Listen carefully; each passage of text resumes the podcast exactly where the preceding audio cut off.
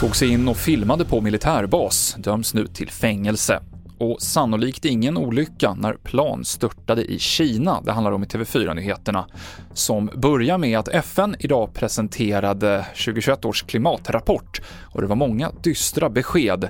Totalt så sattes det fyra negativa klimatrekord under året och i ett uttalande från generalsekreteraren Antonio Guterres så kallar han det globala energisystemet för trasigt.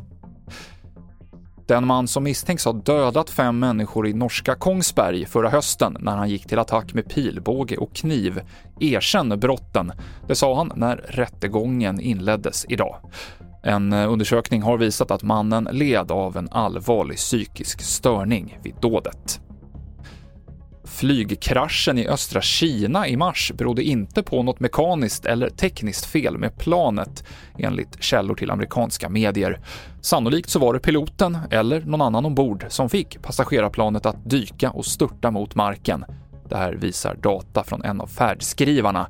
Samtliga 132 personer ombord dog i kraschen och två utländska medborgare döms till ett år och fyra månaders fängelse för att ha tagit sig in på militärbasen Muskö i Stockholms skärgård i december 2018.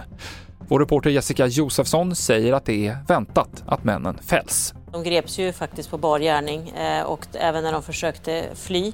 Och de greps eh, eh, och de har ju också erkänt att de det är svårt att inte erkänna att man är där om man, man mm. grips på plats så att säga.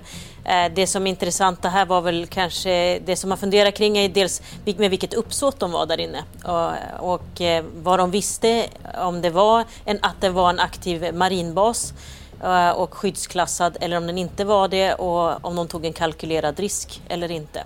Och mer om den här domen kan du se på tv4.se. I studion Mikael Klintevall.